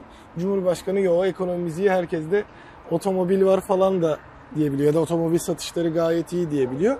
Benim anlamadığım nokta ise sahibinden.com'a rekabet kurumundan bir e, soruşturma geldi. Bu da özellikle oradaki zaten satışta olan ev otomobil fiyatlarındaki e, fahiş fiyatlandırmadan kaynaklı iş soruşturmaya geçtiği söyleniyor ama anlayamadığım durum sahibinden.com'un bununla alakası ne? Çünkü şöyle bir yapısı var sahibinden.com'un. Ben orada bir otomobil satmak istiyorsam ya da bir ev satmak istiyorsam fiyatını kendim belirleyip koyuyorum piyasa şartlarına göre. Yüksekse zaten satamam. E, belli bir standarda e, indirmem gerekiyor ve sahibinden.com buna müdahale etme gibi bir durumu yok zaten yapı gereği. Ama böyle bir durum var. Şimdi rekabet kurumu sanırım işleri biraz zapturapt altına almaya çalışıyor. Bu kötü bir eylem değildir. Yani işlerin zapturapt altına alınması iyi bir eylemdir her zaman. Bunu kabul etmek lazım. Şimdi sahibindendeki sorun galiba şu Aydoğan. Mesela birisi gidiyor marketten 100 liraya bir makarna alıyor. O makarnayı 150 liraya sahibinden.com'da satışa koyuyor. Hı hı. O makarnayı 100 liraya, 90 liraya, 105 liraya falan satanlar da 150 lirayı görünce biz de diyor 140 liraya, 142 liraya, 135 liraya falan satalım adam 150'ye satıyor diyor. Sonra bu öyle bir dalga haline geliyor ki market de 140 liraya satmaya başlıyor gibi bir durum var. İşte bunu otomobilde görüyoruz zaten. Birisi Türkiye'de ne durumda olduğu belli olmayan bir otomobilin modelindeki fiyatı yükseltiyor. Benim arabam diyor çok temiz, çok iyi, çok bilmem, çok her neyse. O yükseltince diğerleri de yükseltiyor. Ya da aslında son dönemde e, stokçuluk muhabbeti dönüyor. Ya da Şu sanırım bununla mücadele etmek için rekabet kurumu buna el atıyor ama ceza burada- verse ne? burada çözümün ne olduğuna benim aklım basmıyor. Yani sahibinden ne yapabilir mesela? Şimdi diyelim ki ben e, telefonumu satacağım. Mi 11 Lite kullanıyorum. 35 bin lira fiyat koydum ben bu telefona. Dedim ki alan adam Ersen'in telefonunu alacak ya dedim. Telefonun ne olduğu önemsiz. Bu telefonun benim telefonum olması önemli. Aynen. Fiyatı ona verecek. Şimdi sahibinden kom diyecek, şey diyecek bana. hadi lan sen o kadar etmezsin mi diyecekler. Ya da neye göre belirleyecek mesela? Bilmiyorum vallahi Hani- yani. bir düzenleme gerekiyor. Evet. Özellikle ben bunu mesela otomobil tarafında e, Citroen Ami'de görmüştüm. Hani işte çok ucuz vesaire durumunda ya ucuz dediğimiz tabii 200 bin liralık fiyatı vardı e, şeye çıktığında. ilk başta kurumsala satıldı. Sonra satıldı. 5 dakika içerisinde araç tükendi. Ondan bir 5 dakika sonra sahibinden.com'da işte sallıyorum 150'ye satıldıysa 200'e, 200'e satıldıysa 250'ye ilanlar açılmaya başlandı hemen. Hani bunu çok fazla görüyoruz şu dönemde. Özellikle otomobil az bulunduğu için çok satılacak otomobile galeri önceden bir şekilde e, bir bayi falan filan kafalayıp hepsini alıyor. Sonra satmaya başlıyor ve kafasına göre fiyatlandırma oluyor. Daha araba sıfır kilometredeyken 50-60 bin lira kar edenler var. Bunu engellemek istiyorlar anladığım kadarıyla ama nasıl engelleyecek? Şimdi bak bunu engelleme noktası aynı şey biliyorsun şey diyordu marketlerde de oldu. Zabıtalar gitti market bastılar. Ne oldu o market baskınları mesela? Sonra bu marketlere cezalar kesildi ya. Marketlerin hepsi bu cezalara itiraz edeceklerini duyurdular. Yani en azından borsaya açık olanların tamamı kapa yaptıkları duyurularda bu cezayı ödemeyeceklerini, itiraz edeceklerini duyurdular falan. Şimdi sistem baştan yanlışken sen sistemin uç noktasına müdahale ederek sistemi iyileştiremiyorsun. Yani mesela bu otomobil şirketinin sattığı otomobilin tamamı niçin bir marka, bir galerici tarafından alınabiliyor? Nasıl alınıyor? Filan bu bu işe buradan bakmazsan sonra sahibinden.com'da ya da benzeri sitelerde oluşan fiyat üstünden düzeltemiyorsun sistemi. Sen Türkiye'de domates üretmezsen domatesin fiyatı niye bu kadar pahalı diye gidip markette baskın yaptığında bir şey değişmiyor. Gibi hikayeler var, konular var. stokçuluk konusunu eee, sadece şeyde çok net görürdüm. Gerçekten sigarada. Çünkü yılbaşına fix bir zam gelir. Aralık ayında bütün bakkallar alabildiği kadar şeyden eee, işte Tekelden. GTI'den, Philip Morris'ten şeyleri toplar. tekel Aynen. diyelim. Tekelden sigaralar alır. Sen bir bakarsın böyle yılbaşına 1-2 gün kala şey yok. Hani eee, bakkalda şey bulamazsın. Sigara bitti der. Ocak'ta gidersin. Mesela yıl 2020'dir. Sen işte yılbaşından sonra gider sigara almaya gidersin. Bir anda şey dolmuştur. Ama şeylere bakarsın bandrollere işte 2020 ise yıl 2019 bandrollüdür. Ya da öyle bir sistem olacak gerçekten. Uyanık esnafımız bu stokçuluğu hep yapmıştır. Yani senin söylediğin sigarada yapmıştır, rakıda yapmıştır. Hatta işte e, sigara ve rakı belki toplum sağlığı açısından hani aman ne kadar çok zam yaparlarsa mesela şimdi ben sigara ve içki fiyatlarının artmasından rahatsız değilim. Sigara içmeyen ama alkol kullanan birisi olarak rahatsız değilim. Bunların fiyatları artsınlar. Ama artışında bir Allah kitabı olması lazım. Yani Allahsız kitapsız bir artışın da olmaması lazım. Ee, ama biz tabii bu stokçuluğu sadece sigarada, alkolde görmüyoruz. Deterjanda da görüyoruz, bilmem ne de görüyoruz. Yani stoklayabilseler yumurtada da göreceğiz, bilmem ne de göreceğiz. Hani o bozulmasa dert anlamında. Ee, garip bir ülke haline geldik. Herkes başkası kazanırken kazanma yöntemine itiraz ettiği parayı kendisinin nasıl kazanacağının peşinde koşuyor. Hani stokçuluğu kuru yemişçi Aydoğan yaparken market Ersin karşı çıkıyor. Ama kendisi de yapmaya başladığı zaman e, bu normal demeye başlıyor. Evet. Şimdi stokçuluk da artık kuru yemişçi Aydoğan'dan eee, market bakkal Ersin'den zincir marketlere geçti. Onlar da stokçuluk yapıyorlar. Onlar da bazı malları bazı dönemlerde satmayarak kar ediyorlar çünkü. Şimdi yine ne yapmak lazım? Olayın çıkış noktasına dönmek lazım. Olayın çıkış noktası neydi? Ekonomimiz niye bu halde? Aynen. Ekonomin güçlü olursa, ayçiçek yağı günde iki kere zam görmezse atıyorum. Ee, sen bir otomobili 100 milyarken 150 milyar yazdığın zaman hiç kimse çıkıp almazsa bu otomobili filan filan işler normale döner. Sahibinden.com olayını in- takip edelim bence. Ben burada rekabet kurumunun nasıl bir çözüm bulacağını çok merak Ya ediyorum. da ceza Çünkü- verirse şeyin suçu ne olacak yani? Ha aynen öyle yani. Sahibinden.com'un suçu ne burada? O bir platform işletiyor. Evet platformdaki içerikten mesul tamam bunu anlıyoruz da platformdaki fiyatı kendisi belirliyor. Mesela sahibinden.com'dan şu mu belir bekleniyor acaba? Mesela yine makarna örneği verelim. Düzgün örnek olmadığını bile bile makarna örneği verelim. Ben oradan makarna seçtiğim zaman Makarnanın da Barilla'yı seçtiğim zaman işte sahibine ha bu markette şu anda pazarda 30 liraya satılıyor. Ersin'in 35 liradan daha yukarıda fiyat belirlemesine izin vermeyelim sistemini mi kurması bekleniyor sahibinden.com'dan? E ben de anladım. Eğer sahibinden.com bu sistemi kuracaksa, böyle bir sistem varsa bu sistemi şeyi kursa ya, devlet kursa ya o zaman. E Yani hani şey mi tamam sahibinden.com çıktıktan sonra e, ilk başlarda iyi bir etkisi olsa da şu anda bu işte ekonomik e, buhrandan dolayı kötü bir etkisi var. Çünkü ne? Önceden neydi? Araba pazarlarına giderdin. Bakardın araca şu kadar derdi adam. Ona göre bir anlaşırdı. Şu an hani adam Van'daki de ne kadar fiyata çekmiş, İstanbul'daki de. Çünkü hatta şeydi hani ben hep şey biliyorum mesela o konuda Bursa ünlüydü. Hani Bursa'da hem daha fazla şey bulabilirdin hem de fiyat olarak iyiydi. Şeylere nazaran. Çünkü küçük yerler mesela Aydın'daki pazarda adam hani e, bu aracın muadilini bulmak için Bir İstanbul'a falan gitmesi gerektiği için biraz fiyat yükseltirdi. Okey. Ama derdi mesela Bursa'ya gidersen bulursun. E şimdi öyle bir durum kalmadı. Çünkü bütün fiyatı görüyorsun. Bunun etkisi var gerçekten. Ama yani ne yapabilir ben de bilmiyorum. Bakalım bir Bunu takip, edelim. ettiğimizde Bunu takip edelim. Ne çıkacak göreceğiz. sonunda görelim bakalım. Yani inşallah makul ve mantıklı bir sonuca, sonuca ulaşılır. İnşallah ulaşılan sonuç yanlış giden çoğu şeyi düzeltebilecek güçte olur. Umarım. Bir diğer yandan Maliye Bakanımız Sayın Nebati Twitter'dan yaptığı paylaşımla Binance CEO'su namı diğer CZ ya da Shangpeng Zhao ile bir e, webinar mı denir ya da sanal görüşme yapmışlar. Online toplantı. Online toplantı yapmışlar. Bunun da alakalı bir paylaşım oldu.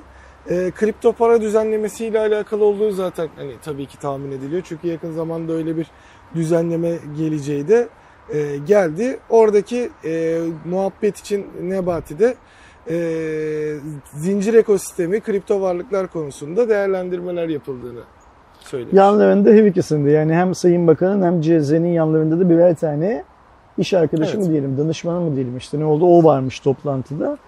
CZ hiçbir açıklama yapmadı diye biliyorum konuyla ilgili. Nebati de e, hangi konulara değinildiği konusunda detaylı bir bilgi vermedi. Evet. Böyle bir bir araya gel belki tanışma toplantısıdır. Bundan sonra daha sık görüşeceklerdi. Çünkü sonuçta Türkiye'de Binance e, yoğun kullanılan bir kripto para alım satım platformu diyelim. Hı hı. Ee, ve hani mutlaka Türkiye hükümetinin e, oluşturduğu şeyde bu düzenlemede e, tabii ki Binance'e bazı yaptırımlar getirilmeli. Bu arada sadece retweet etmiş CZ, CZ, Türk bayrağıyla beraber. Bazı yaptırımlar tabii ki getirilmeli. Ama Binance vesaire vesaire gibi diğer şeylerin de alım satım platformlarının da görüşlerine de mutlaka başvurulmalı zaten. Yani kanunu düzenlerken e, karşı tarafın hassasiyeti, ne iş yaptığı, nasıl yaptığı, dünyadaki örneklerinin ne olduğu filan konusunda da şey yapılmalı. Ne derler? Müzakere edilmeli. O yüzden sağlıklı bir şey. Ben hep böyle şey modu da inşallah maşallah modu ve inşallah bu da hepimize hayırlı olsun Aydoğan. Yani hani CZ'nin tabii benimle görüşecek hali yok. Nebati'nin de benimle görüşecek hali yok. Ama birbirlerini bulmuşlar işte. Yani bakalım hani en azından düzenleme ile alakalı belki bir e, iyi bir gelişme olarak e, görebiliriz. Ya da hmm, sadece bir şey de olabilir. Hani, bir şey demişti, biz demişti kripto paraları tamamen yasaklamayı düşünüyoruz. Hem böylece sizin de iş yükünüz azalır ne düşünüyorsunuz diye Yani, sormuştu. şey. 80 milyondan kurtulmuş Aynen işte. öyle. Daha ÇZ "Aa, güzel operasyon olur bilmem ne filan demişti. Belki kim bilir. ya da şu skeçteki falan gibi bir muhabbet de dönmüş olabilir. CZ gözündeki parıltı mıydı? Gözündeki parıltıyı Hı hı. görmüştür kesin Nebati'nin bence. Bence de o şeyi Kaçırmaz o parıltıyı. sus, sus. O parıltıyı NFT yapalım demiştir. Ay, süper. Bir diğer güzel. konuda aslında şu anda fiyat performans olarak Türkiye'deki en iyi hizmet denebilecek Amazon Prime'ın e, ile ilgili bir kötü haber verelim. E, kötü haberin ayak sesleri olabilir. Avrupa'da Prime ücretlerinde bir güncellemeye gidildi. Prime'ın e, servisi şu anda Türkiye'de 8 lira ve içerisinde Amazon Prime, Twitch Gaming ve Prime Video aboneliğini dahil eden bir sistem. Gerçekten hani dolar bazında sent değerlerinde eden bir hizmetin Dünya, Avrupa'da Türkiye'ye özel bir fiyat. Bunu Evet, söylemek fazla lazım. özel bir fiyat. Hani e, dünyada bakıldığında gerçekten hani bir sakız parası bile etmeyen bir ücrete denk geliyor e, güncel kurla baktığımızda. Ama e, yurt dışındaki şeye baktığımızda Amerika'da zaten bir dönem geçtiğimiz haftalarda yapılmıştı. Avrupa'da da e, %30'luk bir yıllık ücrette artış olduğunu söyleyelim. İngiltere'de %20 oranında yapılmış. İspanya, İtalya ve Fransa'da da %30 ila %43 arasında. Bu şu anda yıllık ücretler için e, yansıtılan bir sistem. Ama Amazon'un şu an Türkiye'de yıllık ücreti yok. Sadece aylık olarak gidiyor. Ve işte e, 7.90 hatta 8 bile. Şimdi 7.90'ı belirlerken şöyle belirledikleri varsayılıyordu.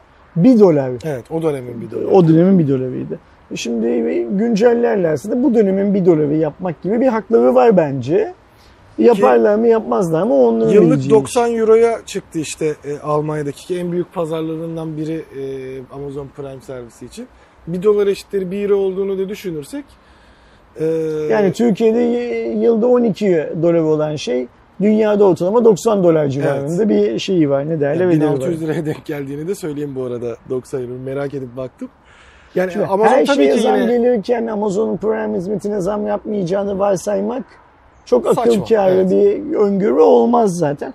Ha yapmayabilirdi çünkü sonuçta şunu hepimiz tahmin ediyoruz herhalde değil mi? sadaka olsun. Amazon, e, Trendyol yani hani e, yani Alibaba, Amazon filan öncelikli hedefleri Türkiye'de pazarı ele almak.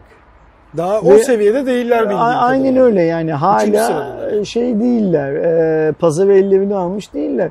Mesela işte Çinlilerin de bu yemek siparişinde e, delivery cost denilen ulaşım maliyetinin tamamını kendilerinin çektikleri, karşıladıkları söyleniyor. İşte yemek sepetine karşı bir şey geliştirsinler diye, e, üstünlük sağlayabilsinler filan diye. O yüzden Amazon bunu yapar yapmaz bilinmez ama şöyle bir hikaye var. Elbet bir gün olacak yani. Evet. Ama Ama yine olduğunda da tabii ki e, ciddi bir artışta beklemiyorum. Hani bir güncelleme yapılır.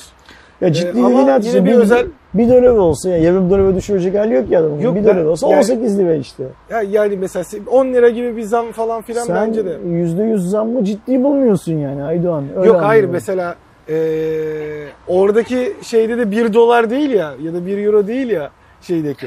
4-5 euroya denk gelecek seviyeyi bir anda çıkarmazlar ki dediğin gibi ben aslında bir ayak sesleri olsa da en az bir yıl daha 8 liradan devam edeceklerini düşünüyorum. Muhtemelen. Yani maksimum işte e, 10 liraya falan çıkması gibi bir durum olur. Çünkü dediğin gibi daha pazar payları o kadar yüksek değil ve e, hepsi burada da karşı atak yapmış oldu aslında.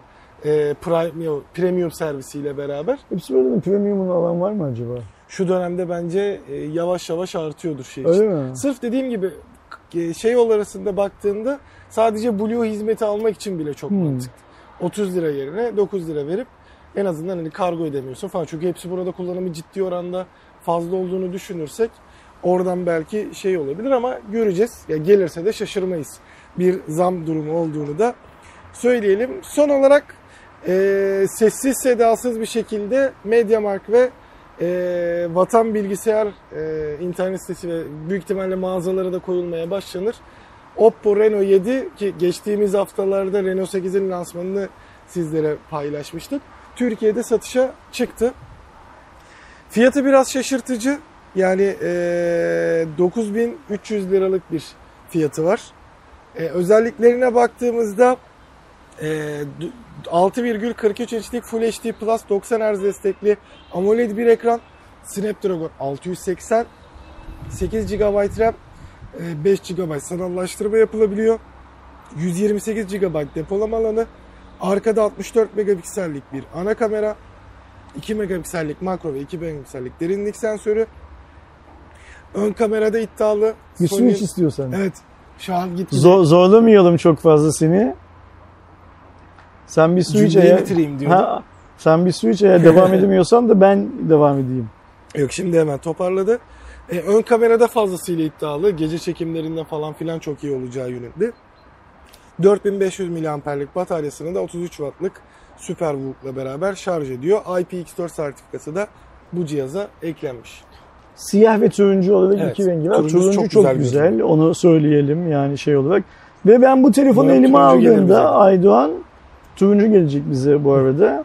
Ee, ben bu telefonu elime aldığımda e, bana böyle biraz e, Find hissi verdi. Yani Renault'ların zaten biliyoruz hani böyle kibarlar, e, elde tuttuğun zaman sana güven veriyor telefon tasarım anlamında filan. Bu böyle sanki biraz Find, Find X hava şeyi verdi. Evet. Ee, Alın bununla Find X gibi takılın. o bir, bir şey ne derler bir bakış açısı bilmiyorum ne olduğunu. Bildiğimiz kadarıyla işte şu an dün galiba başladı Evet. şeye e, satışa. En azından yani Mediamarkt'ın web sitesinde olup olmadığını bilmiyorum kontrol etmiyorum ama vatanda var gördüm. Evet. Ee, duyurusu da zaten dün yapıldı. Öyle mi? Okey. Ee, hafta içinde de Türkiye'deki test örnekleri bütün yayınlara şey yapılacak ne derler gönderilecek.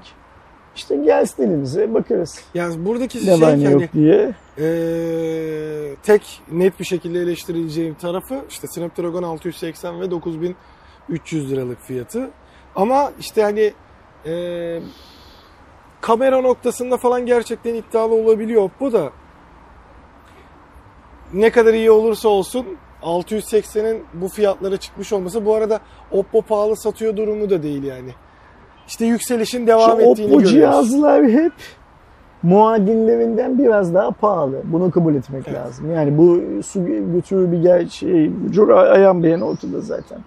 Ama o pahalılık karşısında Oppo ne veriyor işte e, şey insanlara Renault seviyesinde bir kere benzer donanıma sahip tüm cihazlardan daha iyi bir kamera, Kamera deneyimi veriyor. Benzer donanım unutmayın bunu. Tasarım muazzam bir tasarım veriyor. Çok güzel. Ve malzeme kalitesi hep daha kaliteli oluyor. Evet. Ve bence Oppo burada şunu söylüyor. Sen diyor tasarıma önem vermiyorsan, e, malzeme kalitesi de senin için ilgin değil, önemli değilse başka markalar var zaten diyor. Bakalım ne olacağını. Ben şeyi şaşırdım onu söyleyeyim sadece. Türkiye'de o turuncu rengin hani satışta olmasına şey yaptım şaşırdım. Ve doğru mu anladım emin değilim. Bunu önümüzdeki hafta geldiğinde daha net görürüz. Galiba bu cihaz Made in Turkey. Hmm. Galiba. Eğer öyleyse bu seviyede ilk kez bir cihaz Türkiye'de üretiliyor olacak değil mi? Çünkü biz Sanırım bugüne evet. kadar A52 biliyoruz Samsung'un. Hani e, Türkiye'de üretilenler arasında en yukarıda olan Evet. cihaz biliyoruz değil mi? Onun sonrasında ikinci sıraya falan denk gelir herhalde. bu. Da aynen öyle. Ama Yani- güncel olarak en azından üst seviye denebilecek. Yani orta seviyelerinde. aynen, aynen, aynen öyle. Yani eğer doğru anladıysam cihaz Türkiye'de üretildiyse Türkiye'deki üretim açısından önemli bir basamak. Samsung'un yükselttiği çıtaya Oppo da şey yapıyor, cevap veriyor. İşte böyle böyle biz Xiaomi'den de Samsung'dan da belki daha yukarıda cihazlarda Türkiye'de üretildiğini göreceğiz. Arkadaşlar diyecekler ki Türkiye'de üretilmesinin bana ne faydası var? İnanın faydası var. Yani belki çok az ama fayda var. O fayda olmadan e, o cihaz burada sadece marka daha çok kazansın diye üretmiyor. Burada üretimin de başka maliyetleri, başka dertleri, başka sorunları var. Evet. Yani şöyle düşünmek lazım. Mesela geçmişte Xiaomi'nin fabrikasında yaşanan bazı olaylar yüzünden Xiaomi Türk halkıyla karşı karşıya geldi. Böyle bir deneyim yaşamak ister mi herhangi bir şirket? Evet. Kesinlikle. İstemez. O yüzden eee, eğer yani siyahı Türkiye'de üretildi, turuncusu ithelse filan bilmiyorum da turuncu da Türkiye'de üretildiyse bence güzel iş. Evet, Bakalım. Bence de. Ben şeyi beğendim. Cihazı elime aldığım zaman hissettiğim hissi beğendim. Ama tabii ki herhalde ucuz diyebilecek olan herhangi bir baba yiğit yoktur diye tahmin Yani bu sefer hatta işte rakiplerine nazaran da birazcık ciddi pahalı konumda kalıyor.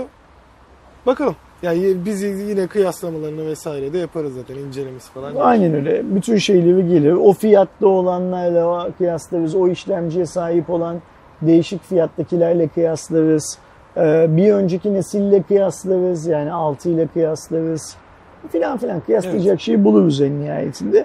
Böylece Oppo ve Reno 7 haberi de 217. Cuma raporunun son haberiydi. Evet. Eline sağlık seçtiğin konular için. Doğuş arkadan sürekli kesin kesin deyip duruyor. Uzatmışız galiba. Demiyor musun? Yo, Ha, devam edin diyorsun.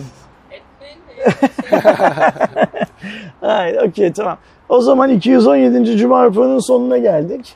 Ee, yarın akşam bu Cuma raporundaki konulardan seçtiğimiz bir tanesini e, Twitter'da konuşmaya çalışacağız. Ama şöyle bir hikaye var. Yarın bizim nikahımız var. Evet. Yani e, eski prodüksiyon amirimiz Aslı ama arkadaşımız Aslı en nihayetinde evleniyor. Yarın onun nikahında olacağız.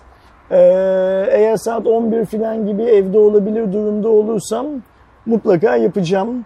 Eğer olamazsam ama yapamayacağız tabii ki. Çünkü yaz demek biraz böyle Türkiye'de düğün, nikah bilmem ne filan demek. Ben mesela işte bu yoğunluktan geçen hafta da hastayım diye e, Aydın'a gidemedim. Normalde dün bir arkadaşımın düğünü vardı. Yarın başka bir arkadaşımın işte. düğünü var. Pazar günü bir tane daha arkadaşımın düğünü vardı. Üçü de O yüzden lütfen e, Çok Twitter var. yayınlarını takip eden arkadaşların gözü e, Twitter paylaşımlarımızda olsun. Duyurursak yapacağız demektir. Duyuramazsak yapmayacağız anlamına geliyor. Bir haftayı pas geçebiliriz. Bence çok büyük Yani. de dert değil çünkü sonuçta Aslı evleniyor. Yani öyle bir hikayesi var. Ama pazar akşamı canlı yayında mutlaka kanaldayım. Sen benimle birlikte yayında olur pazar musun? günü şu an için evet. Şey yok. Şimdilik Aydoğan Bey'in herhangi bir programı yokmuş şu an için. Eğer bugünden sonra başka programı da olmazsa mutlaka pazar akşamı canlı yayına da katılacakmış. Kendisi öyle beyan etti. Ee, doğru anladıysam bir şey anlamında. Ama en kötü ihtimalle 218. Cuma raporunda burada karşınızda olmaya çalışacağız. Allah ömür verirse. O yayında görüşünceye kadar kendinize iyi bakın. Hoşçakalın. Hoşçakalın.